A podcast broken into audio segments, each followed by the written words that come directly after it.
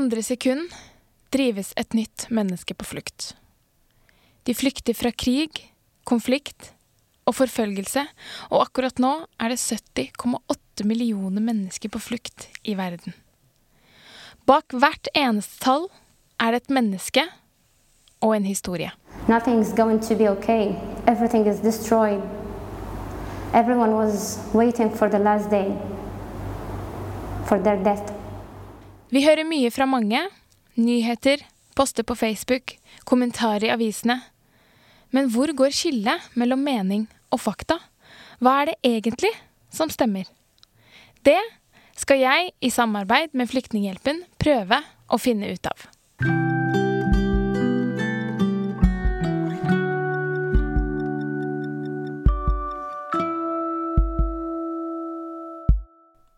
Hei og velkommen til en ny episode av Perspektiv. Det sies at uh, i krig og kjærlighet er alt lov. Men er det faktisk sånn? Det finnes regler som sier hva som er lov, og hva som ikke er lov i en krigssituasjon. Mens eh, Norges lover bestemmer hva norske innbyggere kan og ikke kan gjøre, bestemmer reglene i folkeretten hva stater kan og ikke kan gjøre, altså forholdet mellom stater. FN forklarer på sine nettsider at hvis eh, Norges regjering hadde sendt soldater til Sverige for å okkupere Stockholm, hadde det vært et brudd på folkeretten. Dagens tema kan være litt vanskelig å forstå. Det synes eh, i hvert fall jeg. For å hjelpe meg å forstå dette, har jeg igjen invitert en ekspert hit til studio. Hun er assisterende direktør i Norges institusjon for menneskerettigheter, og har lang erfaring med tematikken gjennom fredsforhandlinger, utenrikstjenesten, doktorgrad innen folkerett og som førsteamanuensis ved flere universiteter. Velkommen til deg, Gro Nystuen. Takk skal du ha. Hyggelig å være her. Det er et uh, ganske komplisert tema vi skal snakke om i dag. Fordi vi hører um, stadig om uh, krigsforbrytelser og brudd på menneskerettigheter rundt omkring i verden. Men det er ikke noe vi opplever her i trygge Norge, heldigvis. Det kan føles fjernt for oss som aldri har opplevd krig, men hvis man tenker over det, så ser vi faktisk dette daglig. Ikke bare i nyheter og aviser, men f.eks. i serier og filmer. Røde Kors Australia brukte faktisk eh, nettopp Game of Thrones til å sette fokus på krigsforbrytelser. Og de fant 103 brudd på internasjonal humanitær rett begått av de mest kjente karakterene i serien. Vi vet jo alle at uh, dette bare er fiksjon, men det er en uh, interessant måte å sette fokus på hva som er lov og ikke lov i krig. Kan du introdusere oss for hvilke regler som finnes i krig? Ja, det er jo som du sier, ganske komplisert og ganske ulogisk på en måte, for dette er jo regler om vold og skadeverk og drap. Det er regler om ting som normalt sett er forbudt. Uh, og det er et lite sånn paradoks, ikke sant. Hvordan kan man ha regler om det?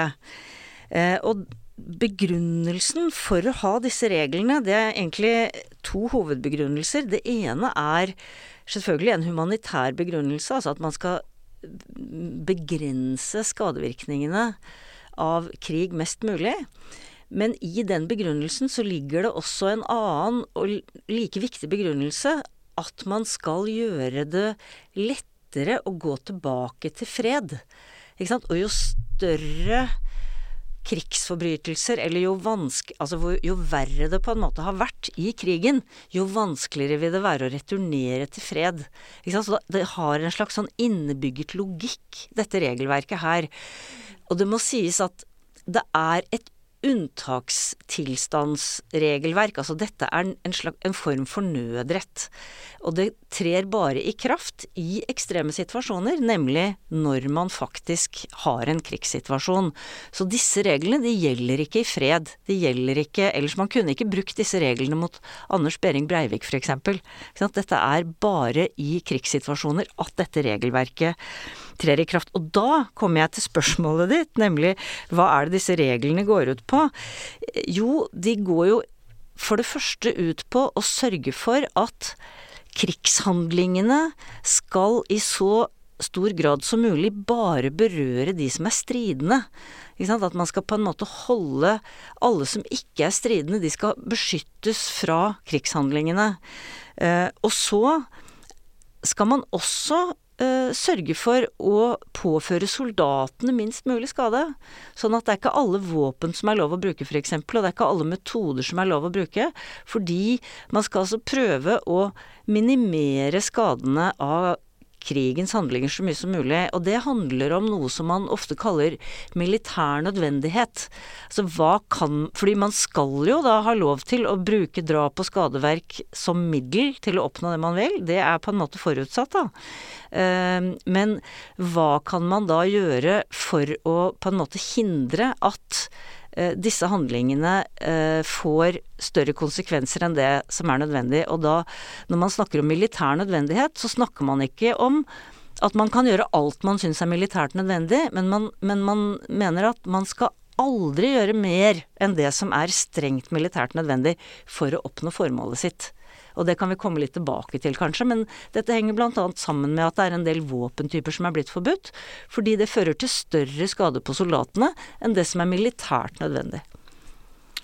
Men er det ikke litt um, rart at uh, det i det hele tatt er uh, regler på at, hvordan man skal føre krig, og at det i seg selv sier noe om at det er lov mm.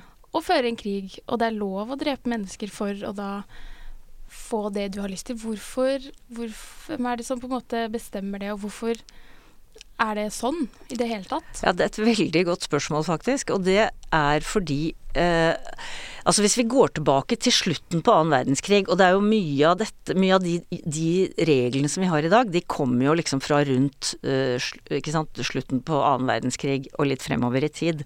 Og FN-pakten, den kom jo i 1945. Og der forutsettes det på en måte at man ikke skal drive med krigføring. Der, der, kom det et forbud mot å bruke militær makt mot andre stater. Og det er ingen av disse reglene her om eh, hvordan man skal føre krig som er med i FN-pakten. Og så kommer da disse fire Genéve-konvensjonene i 1949 som starter opp med å på en måte si noe om hvordan man skal beskytte sivile i krig. Eh, men det tok mange år før FNs sikkerhetsråd begynte å forholde seg til denne problematikken. Og det var jo nettopp fordi at man anså det som et slags nederlag, ikke sant. Annen verdenskrig skulle være slutten på kriger i verden. Men og det er jo en slags sånn, hva skal man si, en pasifistisk linje, da, ikke sant. Man skal ikke drive med denne bruken av vold for å oppnå eh, det man vil. Og så kan du si at humanitærretten er en slags erkjennelse av at shit happens. Mm. Og hva gjør vi med det? Eh, og det er for så vidt ikke noen som har bestemt det, men, men, vi kan si at disse reglene om å beskytte mennesker i krig, de har eksistert i eh, minst eh, 150 år. Eh, så dette er jo ikke noe nytt. den første Genévekonvensjonen var fra 1864. Eh, sånn at det har hele tiden ligget under at hvis det først skulle gå så galt at det blir en krig, så må vi ha noen regler som regulerer oppførselen i krig, og hvordan man fører krig. Men hvem er det som eh, må forholde seg til uh, internasjonal humanitær rett? Alle stater må forholde seg til internasjonal humanitærrett, øh, og fordi at øh, den internasjonale humanitære retten er jo en del av folkeretten. Og dette er kanskje den delen av folkeretten som er mest universelt akseptert. Altså alle verdens stater har sluttet seg til øh, f.eks. disse fire Genévekonvensjonene. Så det er universell oppslutning. Eh, sånn at alle stater må forholde seg til dette. Men også andre parter til konflikter, altså ikke-statlige grupper, er pliktig til å overholde en del av disse humanitærrettslige reglene. F.eks. dette med å skille mellom stridende og ikke-stridende, som er et grunnprinsipp i humanitærretten, som vi ofte snakker om uh, som distinksjonsprinsippet. Det handler altså om at du må skille mellom eh, sivile eller ikke-stridende og de som faktisk er stridende. Kan du eh, si noe om hvilke krigsforbrytelser som er de mest vanlige? Og eh, kanskje hvilke vi ikke nødvendigvis tenker over at faktisk er krigsforbrytelser. Ja, det henger jo sammen med disse reglene som jeg snakket om i sted, da. Altså at man har en plikt til å skille mellom de som deltar i krigshandlingene og de som ikke gjør det. Og ofte så snakker man jo om å beskytte sivile og at uh, stri, Altså uh, trekke opp dette forskjellen på sivile og, og stridende. men det er ikke nødvendigvis sånn at det er en regel som sier at ingen sivile må dø i krig. Altså det er lov til å rette angrep eh, som også fører til at sivile dør. Men man må foreta en såkalt proporsjonalitetsvurdering. Eh, altså det kan ikke være sånn at eh, et uforholdsmessig stort antall sivile blir drept eller skadd i et angrep i forhold til det som kalles den konkrete ny militære nytteverdien. Dette er jo veldig vanskelig, men jeg kan gi ett eksempel, da, som, eh, som er et sånn klassisk lærebokeksempel. Da man eh, valgte under annen verdenskrig å senke en ferge med tungtvann for at tyskerne ikke skulle få tak i det tungtvannet og kanskje utvikle atomvåpen. Det var det man trodde den gangen.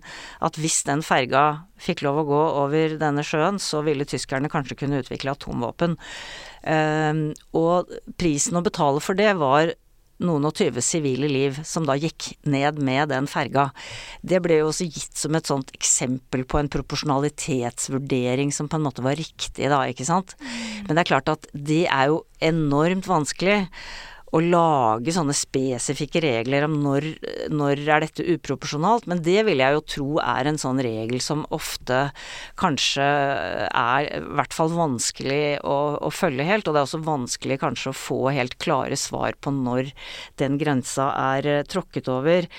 Ellers så har jeg jo fått med meg at uh, eh, f.eks. i Game of Thrones så har det vært eksempler på en annen krigsforbrytelse som på engelsk heter perfidy, men som altså på norsk er svikaktig opptreden. Og det er ikke nødvendigvis det samme som å lure fienden. Altså det er lov å lure fienden inn i bakhold eller å bruke kamuflasje og sånn, men det å gjøre ting som gjør at man ødelegger tilliten til det humanitære systemet, det er svikeaktig opptreden. F.eks. Eh, under Srebrenica, angrepet på Srebrenica, hvor uh, serbiske soldater hadde FN-biler og FN-flagg og på en måte ropte til folk at nå var det trygt å komme fram. Eh, og hvor de da ble tatt til fange, ikke sant, og mange av dem drept. Det er et typisk eksempel på det, for da undergraver man jo tilliten til FN. Det er som dere har sikkert også sett filmer om ikke sant, fra sånne gamle dager at noen rir av gårde med et hvitt flagg for å snakke med fienden, og så kommer hesten tilbake med en mann uten hode, ikke sant. Da er det veldig lenge til man bruker det hvite flagget igjen. Og det er jo på en måte det som er litt sånn kjernen i dette her med svikeaktig opptreden, da. Og du nevnte eh, dette med ikke-statlige aktører. For hvordan fungerer det når, eh, når det er ikke-statlige aktører som er innblandet, da? Som eh, f.eks. IS, som vi har hørt veldig mye om i forbindelse med krigen i Syria? Ja, altså Ikke-statlige aktører de har også plikter under den internasjonale humanitærretten, selv om de ikke er part til traktater på samme måte som statene er. Altså IS er ikke part til Genévekonvensjonene, men likevel så finnes det regler, eh, humanitærrettslige regler, som også gjelder for ikke-statlige væpnede grupper som, som, IS er, og andre typer grupper også, mm -hmm. som, som, de må forholde seg til. Og det betyr at f.eks. Disse grunnreglene med å skille mellom sivile og militære, og beskytte sivile og osv., det vil eh, være krigsforbrytelser også for ikke-statlige. Det er ikke bare statlige soldater som kan dømmes for krigsforbrytelser. Det kan også ikke-statlige eh, soldater eh, gjøre. Så, så, det er på en måte en eh, Akkurat hvordan det der virker, sånn rent rettslig, altså det er på en måte så enkelt som at de reglene som handler om det vi kaller internasjonal strafferett, da, hvor, hvor, som på en måte gjennomfører rettssaker mot personer fordi de har brutt krigens folkerett, de eh, krever ikke at de som stilles for domstolene, må være statlige aktører. De, det kan være hvem som helst, på en måte, som, er, eh, som, som kan bli dømt for, eh, for brudd på krigens lover. Så, det, så der er det på en måte Ja, så det er jo et, et, tegn da på at krigens folkerett også gjelder for ikke-statlige aktører. Og så kunne jeg gå inn på litt sånn vanskelige tekniske forklaringer på hvordan dette virker for ikke-statlige aktører, men det tror jeg kanskje vi kan uh, ta en, en, annen gang. Eller kanskje litt senere. Eller kanskje litt senere, ja. Fordi hvordan er det vi eh, ja, hvordan er det vi håndhever disse, eller verner om de lovene som, som er satt? Fordi i Syria f.eks. så har det blitt begått krigsforbrytelser. Men eh, jeg kan ikke si at jeg har hørt om noe altså straffeforfølging av av disse forbrytelsene. Nei, ikke sant. Og det er jo veldig klassisk, da. At det er jo ikke sant, Hva, hvordan er situasjonen rent faktisk i Syria nå? Jo, eh, Assad sitter som landets eh, lovlige eh, president. Mm. Han har eh, all den formelle makten i Syria, inklusive makten over rettsapparatet og politiet osv. og hæren. Det er helt åpenbart at han er veldig lite interessert i å sette i gang straffeforfølgning av sine egne styrker. Så det vil ikke skje. Mm -hmm. Og det er jo det Altså, de som til enhver tid sitter med makten, og som utøver det vi kaller jurisdiksjon og kontroll over et land, eller deler av et land, de vil jo selvfølgelig ikke tillate straffeforfølgning av de som de oppfatter som sine folk, eller sine allierte. Og, og, så det er et veldig godt eksempel. ikke sant? I Syria nå så er det sånn. Det er ikke noen andre som kan komme inn i Syria og begynne å blande seg opp i hvordan Assad utøver sin jurisdiksjon. Hvis man skal straffeforfølge krigsforbrytere fra Syria, så må man gjøre det utenfor Syria. Og da må man jo få tak i dem eh, først, for å si det sånn. Men har eh, ikke, har ikke Assad da plikt eh, som leder for Syria til å straffe de som har begått krigsforbrytelser. Men han er jo den øverste sjefen for disse krigsforbrytelsene, så det ville, jo, det ville han jo ikke Det ville han jo ikke gjøre. Ikke sant? Det, det ville være helt i strid med alle hans interesser å sette i gang prosesser som fører til at han selv til, siste, til syvende og sist vil bli straffet. Altså dette var jo man kan jo Det er jo ikke så veldig mange år siden eh, Balkan, ikke sant, hvor, eh, hvor, det endte med at den aller øverste lederen for Serbia, eh, Slobodan Milosevic, havnet i den straffedomstolen i Haag. Og det hadde han jo selvfølgelig ikke tenkt seg, og det var sannelig ikke fordi at han var enig i det at det skjedde. Det var jo fordi at Serbia på en måte tapte krigen, og, og han ble, han ble ut utlevert da, til, eh, til Haag. Så det, så det, er på en måte en eh, Det ligger på en Og det er jo det som man ofte snakker om, denne delen av folkeretten, at eh, man, man sier ofte at makta rår. Og, og, sånn er det jo, ikke sant. At statene, de er det vi kaller suverene. Dvs. Si at enhver stat på sett og vis kan bestemme over seg selv. Det er ingen stater som har myndighet over andre stater. Og det betyr jo at det blir en slags flat struktur i folkeretten. Eh, og så er det noen stater som har noen roller som gjør at de får litt større makt enn de andre likevel. Mm. Blant annet de statene som har eh, såkalt vetorett i Sikkerhetsrådet. Uh, og som kan bestemme at man skal bruke militær makt. Og der kan man jo tenke at nå er vi litt utenfor humanitærretten, men ikke sant. Hvis alle medlemmene av Sikkerhetsrådet hadde bestemt at nå skal eh, Assad og alle hans eh, folk stilles for en krigsforbryterdomstol, så ville man jo måttet gå inn militært og kjempe mot Assad sine styrker til de var nedkjempet, for så å få tak i disse menneskene det dreide seg om. Ikke sant? -hmm. Det er ganske Og det er nok ikke så mange stater altså For det første, og så kan man si at i Sikkerhetsrådet også, så er det jo nå sånn at Russland er en av vetomaktene. Og det er også USA, ikke sant. USA er veldig interessert i å få Assad stilt for en for domstol, mm. men russerne er ikke noe interessert i det. Han er jo deres allierte. Mm. Og russerne kan nedlegge veto.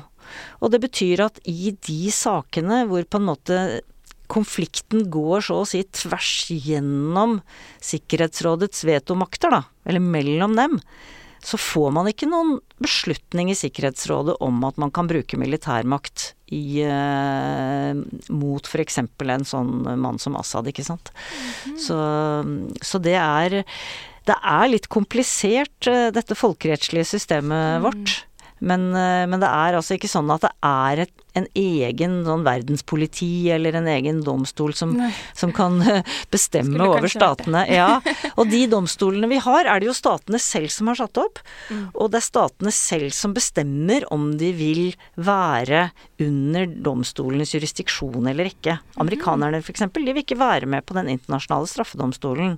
Så amerikanske soldater de kan ikke da stilles til ansvar eh, for krigsforbrytelser der for den domstolen. Mm. Så dette er sånn som statene bestemmer selv. Det ligger i dette som vi kaller for suverenitetsprinsippet, da. Men betyr det, eller tror du da at eh, Assad og, og hans eh, allierte aldri kommer til å ja, få konsekvenser for det, bli stilt for de krigsforbrytelsene de har vært med på? Ja, det det kan jo godt tenkes, eh, men det er veldig vanskelig å spå om sånne ting. Det var veldig mange som ikke trodde at Milosevic ville bli stilt eh, til ansvar, og og det, det samme gjelder f.eks. en mann som Omar al-Bashir, eh, som nå er faktisk er fengslet av sine egne, riktignok. Men det er jo noen, noen, av disse diktatorene blir innhentet av uh, sine ugjerninger, og noen blir det ikke. Augusto Pinochet fra Chile uh, ble jo møtt med rettsforfølgelse i Europa mange år etter at han gikk av som president i Chile, som hadde da vært ansvarlig for det uh, blodige kuppet der. Så det er det er jo en sjanse for at man blir innhentet, men det er også eksempler på folk som aldri har blitt det. Mm. Så uh, ja. Det er vanskelig å si, altså. Jeg er ikke noen politisk analytiker, så det Nei, det er greit. men, hvorfor, men hvorfor er det så vanskelig å gjennomføre de lovene som verdenssamfunnet har blitt enige om, og, og ikke minst straffeforfølge de som bryter dem? Nei, det henger jo sammen med dette suverenitetsprinsippet, som jeg sa, da. At det er det med verdenssamfunnet, ikke sant. Det er jo en veldig sånn uh, uklar størrelse, egentlig. Det betyr jo ikke at alle verdens stater er enig i alle de straffesystemene som fins. For eksempel, som jeg nevnte i sted.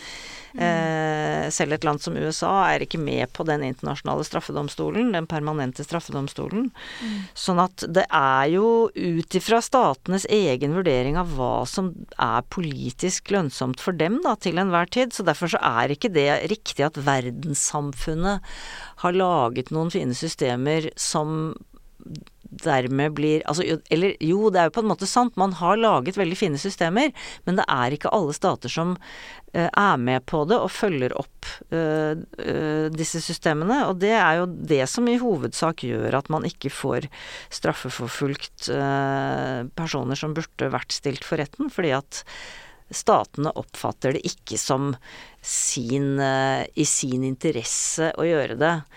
Og, og da, kan jo, jeg kan jo godt nevne at det har vært en god del kontroverser omkring den internasjonale straffedomstolen i Haag, fordi de sakene som er blitt uh, kjørt der foreløpig, har utelukkende vært mot afrikanske statsledere.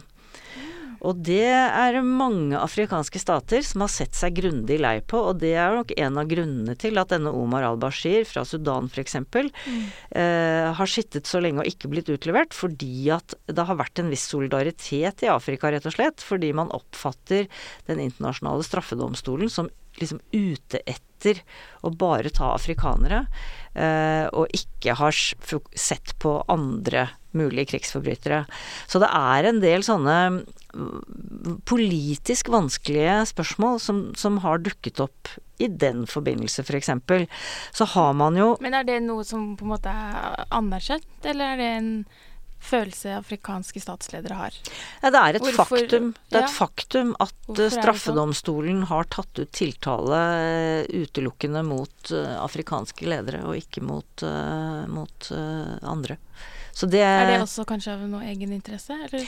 Nei, jeg tror ikke det. Jeg tror Altså, det vet jeg for lite om, rett og slett. Hvordan straffedomstolen har tenkt i disse tilfellene. Men eh, men eh, For de ser jo de, altså, ikke sant? En sånn straffedomstol skal jo overhodet ikke ta politiske hensyn. De skal jo bare se på hvor er de verste tilfellene. Og det har de kanskje gjort også. Men så har det da tilfeldigvis blitt sånn, ikke sant. Eh, mens hvis de hadde mm, tenkt litt mer på hvordan kunne vi spre dette litt mer geografisk, så hadde de kanskje ikke fått tatt de som de mener var de verste, da. Så det er ikke så lett å være domstol heller. En domstol skal jo liksom være som fru Justitia, ikke sant. Skal være blind på en måte. Den skal bare ta hensyn til eh, hvor er det de verste krigsforbryterne er. Men, eh, men det, det, har, det har vist seg å bli et problem eh, for legitimiteten da, til den domstolen. Og det er jo den domstolen som vi nå fikk etter Altså vi har jo si, Etter annen verdenskrig så fantes det jo ikke noen sånn straffedomstoler etter at vi var ferdig med de to eh, tribunalene som dømte de tyske og japanske krigsforbryterne, altså Nürnberg-tribunalet og Tokyo-tribunalet. Der var det jo mange rettssaker i en, noen år etter krigen hvor folk ble dømt. Og det var jo en, det man gjerne kaller seierherrenes justis, ikke sant. Det var jo et tribunal som var satt opp av de som hadde vunnet krigen. Og etter det så har det ikke vært noen internasjonale straffedomstoler. Alle krigsforbrytelser har måttet bli eh, straffeforfulgt i de statene hvor krigsforbryterne har eh, vært fra. Og det er jo også vanskelig, ikke sant? For det er akkurat som al-Bashir, at hvis du har en person som er anklaget for en krigsforbrytelse i utlandet, så er det ikke sikkert at du vil kjøre straffesak mot den personen, for den personen har jo ivaretatt ditt lands interesser. Noen ganger har det blitt gjort. Altså USA har straffeforfulgt personer for krigsforbrytelser i Vietnam f.eks., Mm. men kanskje ikke alle som burde vært straffeforfulgt. Ja. Um, men det har liksom vært hovedsporet, da, at man skulle straffeforfølge disse folka i de nasjonale domstolene. Og så har det vært snakk om i FN i mange, mange år at man burde ha en internasjonal straffedomstol. Og så tidlig på 90-tallet så fikk man to ting, Balkan og Rwanda. Og begge de eh, sakene førte til at Sikkerhetsrådet vedtok opprettelsen av såkalte adhoc-straffedomstoler. En for Balkan og en for Rwanda, i henholdsvis 1993 og 1994. Og disse Adhoc, hva er det for? Ja, sånn eh, ikke permanent, da. Altså eh, midlertidige straffedomstoler. Ok. eh, bare for for Ba, ikke sant? Bare for krigen på Balkan, og bare for folkemordet i Rwanda. Så de to domstolene, de har jo holdt på nå i mange år, og det er der f.eks. Milosevic er blitt dømt. Men så innså man jo da at eh, Eller kanskje nettopp opprettelsen av disse disse midlertidige domstolene førte til at FN tenkte at nei, nå må vi få på plass den der permanente domstolen som skal liksom gjelde for hele verden. Og det fikk man da til eh, gjennom forhandlinger i 1997. Og så kom den på plass i 2001, den internasjonale straffedomstolen, som da også kalles for den permanente straffedomstolen. Altså ikke adhoc, da.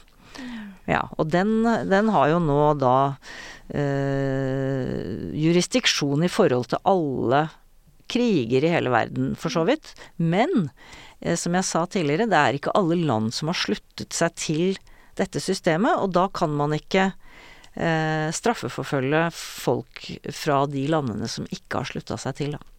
Ja, akkurat. Syria, Somalia, Colombia. Verden over blir millioner av mennesker tvunget på flukt fra krig og konflikt. De blir revet bort fra familie og venner og går en usikker framtid i møte. Bare mens du har hørt på meg, har åtte nye mennesker blitt drevet på flukt. Flyktninghjelpen skaper muligheter og hjelper mennesker med å bygge seg en ny fremtid. Du kan være med å støtte vårt arbeid. Vips til 2142. En ting som jeg ble litt mer bevisst på i fjor, var eh, det, dette med bruken av eh, seksualisert vold og overgrep i krigføring. Den kongolesiske legen Dennis Mukwege og Nadia Murad, som overlevde IS-fangenskap, vant Nobels fredspris for deres kamp mot seksualisert vold som våpen i krig. Det å bruke seksualisert vold som våpen i krig er jo ikke lov, men det blir allikevel brukt i veldig mange av dagens konflikter. Kan ikke du fortelle litt om hvordan og hvorfor eh, noe så grusomt blir brukt så bevisst?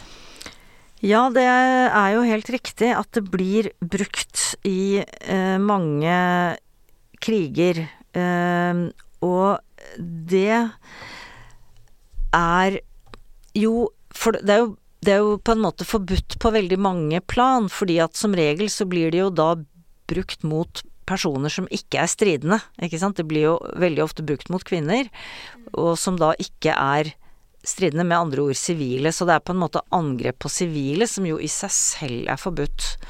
Og så er det jo i tillegg eh, dette med at seksualisert vold og voldtekt er en krigsforbrytelse i seg selv. Mm.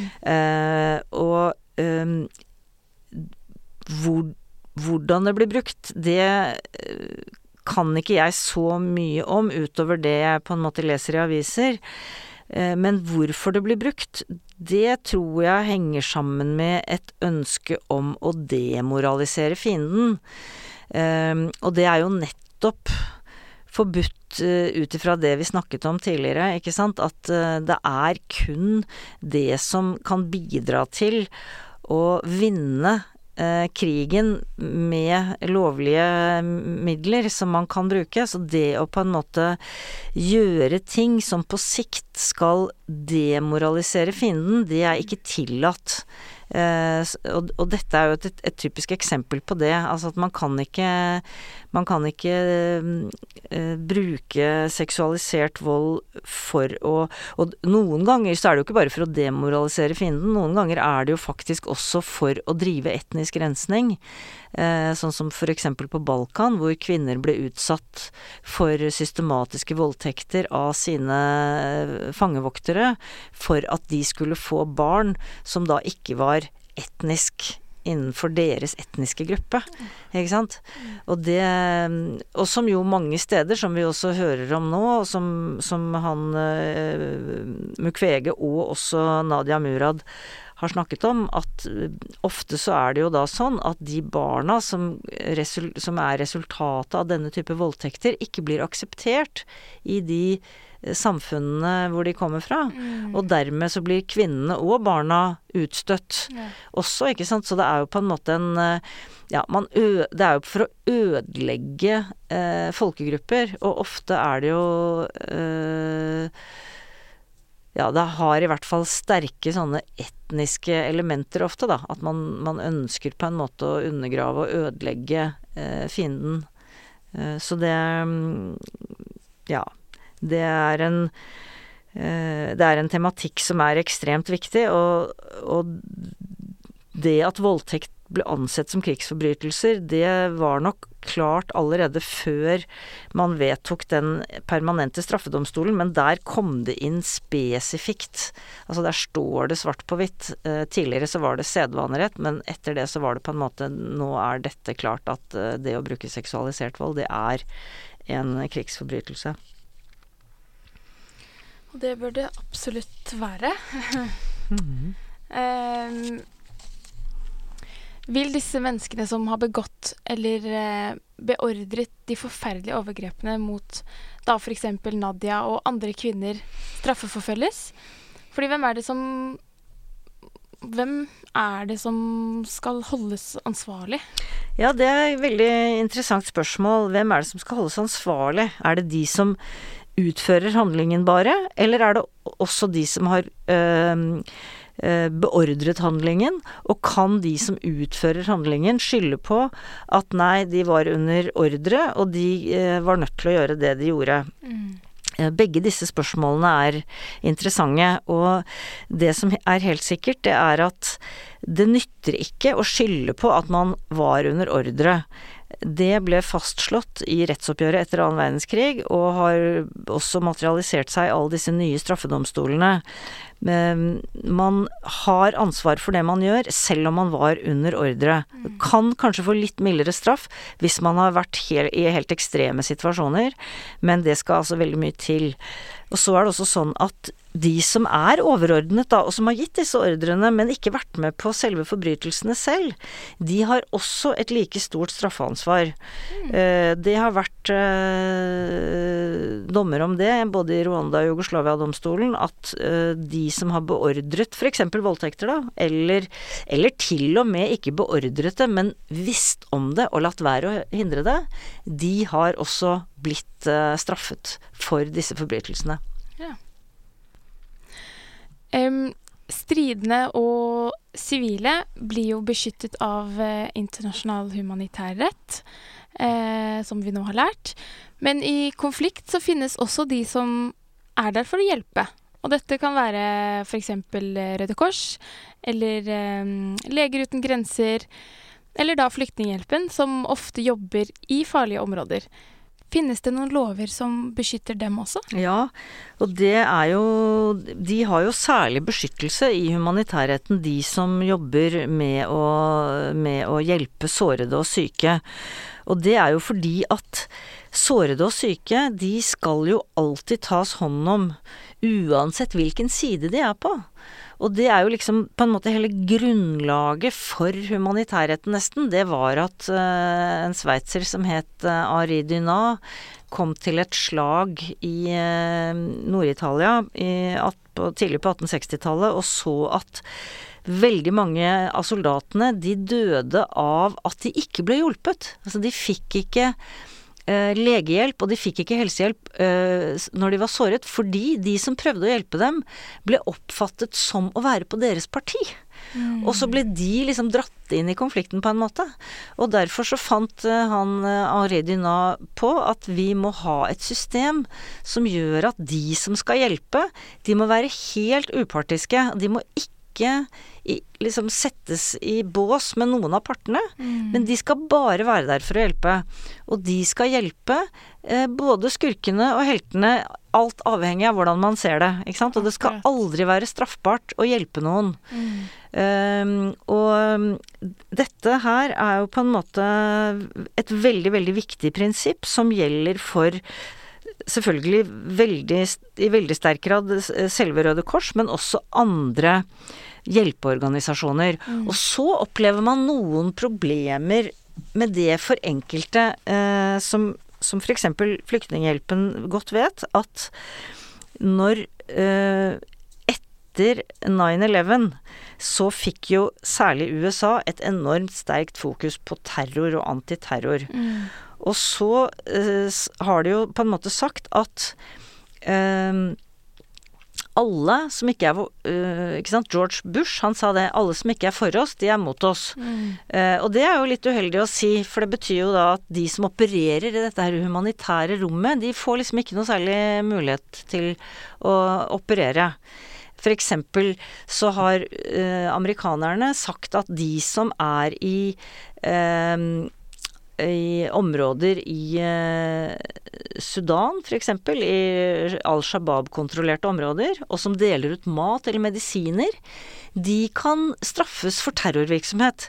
Fordi de hjelper en terrororganisasjon, kanskje. Oi. Fordi at eh, de som er sivile Det er ikke så lett å vite der, ikke sant. Hvem er det som er medlemmer av Al Shabaab eller ikke. Eh, eh men Og det betyr at på en måte alle Eh, blir omfattet av, av disse reglene ikke sant, som, mm. som, USA kjører på. Dette er veldig, dette er veldig kompliserte problemstillinger, mm. men, men, det gjør at en del hjelpeorganisasjoner har de siste 10-20 årene opplevd at det stadig blir vanskeligere å operere med humanitær hjelp også, i områder hvor fordi at det er jo nettopp i sånne områder hvor det er ikke så klart, ikke sant. Er det, det, er jo ikke statlige styrker. Veldig ofte så er det jo ikke-statlige grupper. Mm. Og veldig ofte så er det litt sånn uklare grenser mellom Det er ikke sånn at de ikke-statlige gruppene sitter i en hule oppe i fjellet, ikke sant, og så er alle de andre uskyldige sivile, men det, det flyter liksom over i hverandre. Og dermed så, så får man For mange hjelpeorganisasjoner får eh, store problemer med å operere i en del av disse områdene. Og så har du enda en problemstilling. Eh, og det er at eh, f.eks. Norsk Folkehjelp, som driver med minerydding, de vil jo kunne bli oppfattet som eh, å drive med militær virksomhet. For det å rydde miner er faktisk militær virksomhet. Og Ja. da er jo spørsmålet kan de være eh, militære mål for noen, ikke sant? Så det er, det er mange problemstillinger i forbindelse med hjelpearbeidere, men hovedregelen er selvfølgelig at de skal eh, beskyttes, og de skal være Og de skal oppfattes selvfølgelig som sivile, og de skal i noen grad ha ekstra beskyttelse eh, også, fordi at det er så innmari viktig at de kan få operere fritt. Så det du altså også sier her nå, er at hvis, eh, hvis en skadet IS-kriger eh, eller det som man ville kategorisert som fienden, Mm, eh, trenger medisinsk hjelp, så er hjelpearbeidere nødt til å Ja. hjelpe. absolutt. Absolutt. De må hjelpe alle. Eh, man, men alle har en plikt til å hjelpe sår, eh, syke og sårede eh, i, i en konfliktsituasjon. Og det har jo vært et av de argumentene som også har vært fremmet for å uh, hjelpe uh, disse IS-kvinnene som sitter i denne Al-Hol-leiren med syke barn. Ikke sant? At uh, man har faktisk en plikt til å hjelpe, uavhengig av hva slags sympatier eh, disse menneskene måtte ha. Mm. Du skal være helt blind, da, ikke sant? For hvem det er. Mm. Du skal ikke Du skal ikke på noen måte uh, skjele hen til om det er en jeg håper å si, venn eller fiende, ikke sant? Eller noen du liker eller ikke liker. Det, er du såra, så, så er du såra. Dette er jo vanskelig Det er vanskelige avveininger eh, å ta, altså i praksis, faktisk. Eh, fordi at man kan jo si at ja vel, men hvis vi, hjelper, hvis vi går inn og, og hjelper de og de personene her, så vil de benytte seg av den hjelpen til å bli kampdyktige igjen fortere. Og ikke sant, skal vi virkelig gjøre det? Men da er jo svaret ja, du skal hjelpe syke og sårede i, i krigssituasjoner. Mm. Og jeg, det er ikke helt det samme, men jeg em, har vært i eh, førstegangstjeneste i, i militæret, og Ja. da lærte vi jo det at hvis, eh, hvis det skulle skje at du skyter fienden, og fienden ikke lenger er noe fare for deg, eh, og det ikke er noen fare for deg heller, og, og så er du pliktig til å faktisk gå Ja, og hjelpe den fienden som du nettopp skjøt. absolutt. Og det, det er klart at det er man, og det, eller hvis, eh, så, det, så det, er, eh, det er jo et utslag av det prinsippet at er du For det er jo ikke bare Altså humanitærretten beskytter sivile, men den beskytter også mennesker som er ute av kampene av en eller annen grunn. Enten de er syke eller såret eller har besluttet å overgi seg. I alle de tre tilfellene så er personen ikke lenger et militært mål. Da skal vedkommende tas hånd om. Når eh, menneskerettigheter blir brutt og internasjonal humanitær rett ikke blir fulgt, så skaper jo det livsfarlige forhold for mange mennesker. Og dette fører til at mange må flykte, dessverre. Har flyktninger og mennesker generelt på flukt noen rettigheter? Ja, de har jo selvfølgelig det, men det er veldig stor forskjell på det å ha rettigheter og det å få de rettighetene gjennomført og sikret. Um, og det er klart at i en situasjon som er så livsfarlig, som fører til at folk er nødt til å flykte, så tyder det jo nettopp på at man vil ha problemer med å få de rettighetene gjennomført. Altså hvis du f.eks. flykter fra et land hvor du frykter myndighetene, så vil jo ikke de myndighetene kanskje sikre rettighetene dine. Eh, Så da er jo spørsmålet om man kan klare å komme seg til et annet land. Eh, Og så er spørsmålet da i så fall eh, vil dette andre landet sikre rettighetene dine. Og det er jo veldig vanskelig spørsmål. Altså det som er et utgangspunkt her, det er at det er to hovedkategorier med flyktninger. Det ene er de såkalt internt fordrevne, og det andre er de som greier å krysse en grense. Og hvis man greier å krysse en grense, så har man noen flere rettigheter i kraft av bl.a. FNs flyktningekonvensjon. Er man internt fordrevet, så betyr det at man er på flukt i sitt eget land. Og da er man jo gjerne på flukt enten fra sine egne myndigheter eller fra væpnede grupper i et område eh, hvor man Og det, dette skjer også selvfølgelig mange steder. Mm. At man ikke Det er ikke nødvendigvis alltid myndighetene, men, eh, men man er på flukt, ikke sant, i sitt eget land. Og da kan det jo være situasjoner hvor man vil få beskyttelse av myndighetene, og det vil også være situasjoner hvor man vil få beskyttelse av andre politiske grupperinger, men veldig ofte så vil man jo være eh, veldig sårbar i en sånn situasjon hvor man er internflyktning, som det mm. heter. Og det er jo den langt største kategorien flyktninger i verden eh, i dag, som er såkalte IDPs, Internally Displaced Persons. Eh, har man krysset en grense, så har man noen flere rettigheter. Eh, men igjen, det er et veldig skjørt system. Og det å få status som flyktning i et annet land, det er det ganske høy terskel for. Det er ganske vanskelig. Eh, og det er ganske få eh, grunner eh, til flyktningestatus som ikke dekker mange av de grunnene folk faktisk har til å flykte i dag, da. Så det er ikke et system som og, det er på en måte også ikke så vanskelig å forstå ut ifra det vi snakket om før, med dette suverenitetsprinsippet og statene som alltid på en måte forfølger sine egne interesser.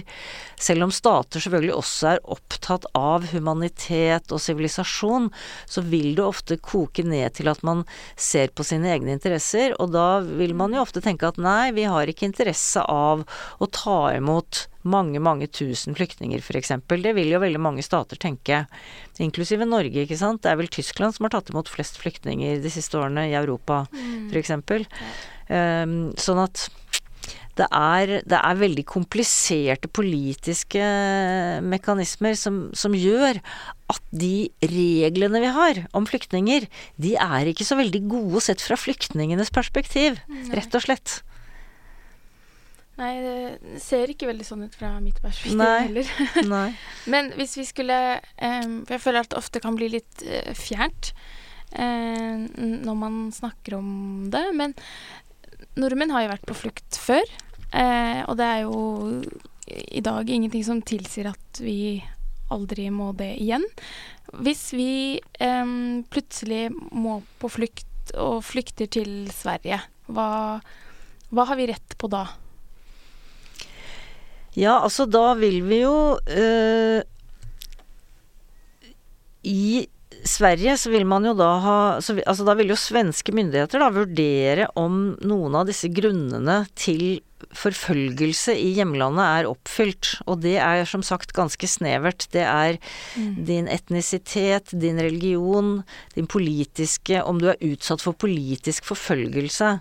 Men f.eks. Eh, veldig mange andre grunner da, som gjør at folk flykter. Eh, hvis du f.eks. generelt sett hører til en, eh, en gruppe som har problemer da, i et land, f.eks., mm, mm. så vil ikke det i seg selv være nok til å få flyktningstatus. Altså jød, hvis du var jøde, så ville du ikke fått flyktningstatus i Norge i 1939 f.eks. etter den konvensjonen. Da. Det er ikke en veldig omfattende beskyttelse i den konvensjonen. Mm. Så det er klart at da vil jo uh, svenske myndigheter kunne gjøre sånn som Norge ofte gjør, og si at ok, men vi skjønner likevel at det vil være helt uholdbart å sende vedkommende tilbake eh, til f.eks. dødsstraff eller til forfølgelse av andre grunner, men vi kan ikke sende hjem han mulla Krekar engang, ikke sant? Mm. Sånn at eh, man vil ofte si at ok, folk får allikevel bli i landet, mm. eh, men de får ikke status som flyktning etter flyktningkonvensjonen, det er to veldig forskjellige ting. Okay. Um, sånn at det vil man jo da tenke at mange av de uh, som måtte flykte til Sverige f.eks. da likevel ville få lov å bli der. Eller man kunne risikere å bli sendt hjem igjen. Ja. Selvfølgelig. Mm. Uh, så det er, uh, det er et det er et veldig skjørt system, Mm. det, det flyktningsystemet som, som vi har. Men det er noe, og det er veldig mye bedre enn ingenting. Eh, og det tror jeg er også veldig viktig at vi ikke glemmer. Eh, nå, og nå må jeg også si til alle som hører på, og som er eh, jurister, at jeg, eh, som alle har skjønt, ikke er noen ekspert på flyktningrett. Eh, men, eh, men jeg kan bare noen sånne veldig overordnede ting om dette her. Men det er veldig viktig å vite at flyktningekonvensjonen av 1951 med sin protokoll av 1967 er det vi har, på en måte, til å beskytte flyktninger. Og derfor så er det veldig viktig at det på en måte At man slutter opp om det, og at det er Ja, at man tenker at det er tross alt veldig mye bedre enn å ikke ha noe system i det hele tatt. Mm. Men eh, i dag har vi jo eh, sosiale medier, og vi ser eh, f.eks. bruken av det under den arabiske våren, eh, og effekten av det. Tror du at eh, det kan hjelpe eh, til at flere blir stilt for retten? Det er forferdelig vanskelig å svare på, øh, syns jeg. Det er Kan godt tenkes at vi vil få større oppslutning om f.eks. disse internasjonale straffedomstolene, og at det vil komme systemer som vil gjøre det lettere å straffeforfølge ledere. Men på den annen side så er jo det jeg har snakket om med at statene er suverene og vil fremme sine egne interesser, gjør jo at ja, det er ikke så lett å si i hvert fall et ubetinget ja på det, selv om jeg gjerne skulle ønske at jeg kunne gjøre det. Mm. Gro, tusen takk for at uh, du kom hit i dag. Dette er jo uh, som sagt et stort og vanskelig tema. Men jeg tror at uh, jeg, og forhåpentligvis også de som hører på, har fått et bedre bilde på hva som faktisk er lov og ikke.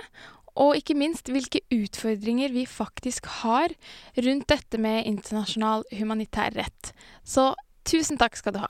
Ja, tusen takk for at jeg fikk komme. Det var uh, veldig spennende. Jeg gleder meg til å høre hele denne serien. I neste episode får jeg besøk av eh, Sonja Sunde. Hun er utenriksreporter i TV 2 og har dekket krigen i Syria og Jemen og rapportert om båtflyktningenes desperate kamp over Middelhavet.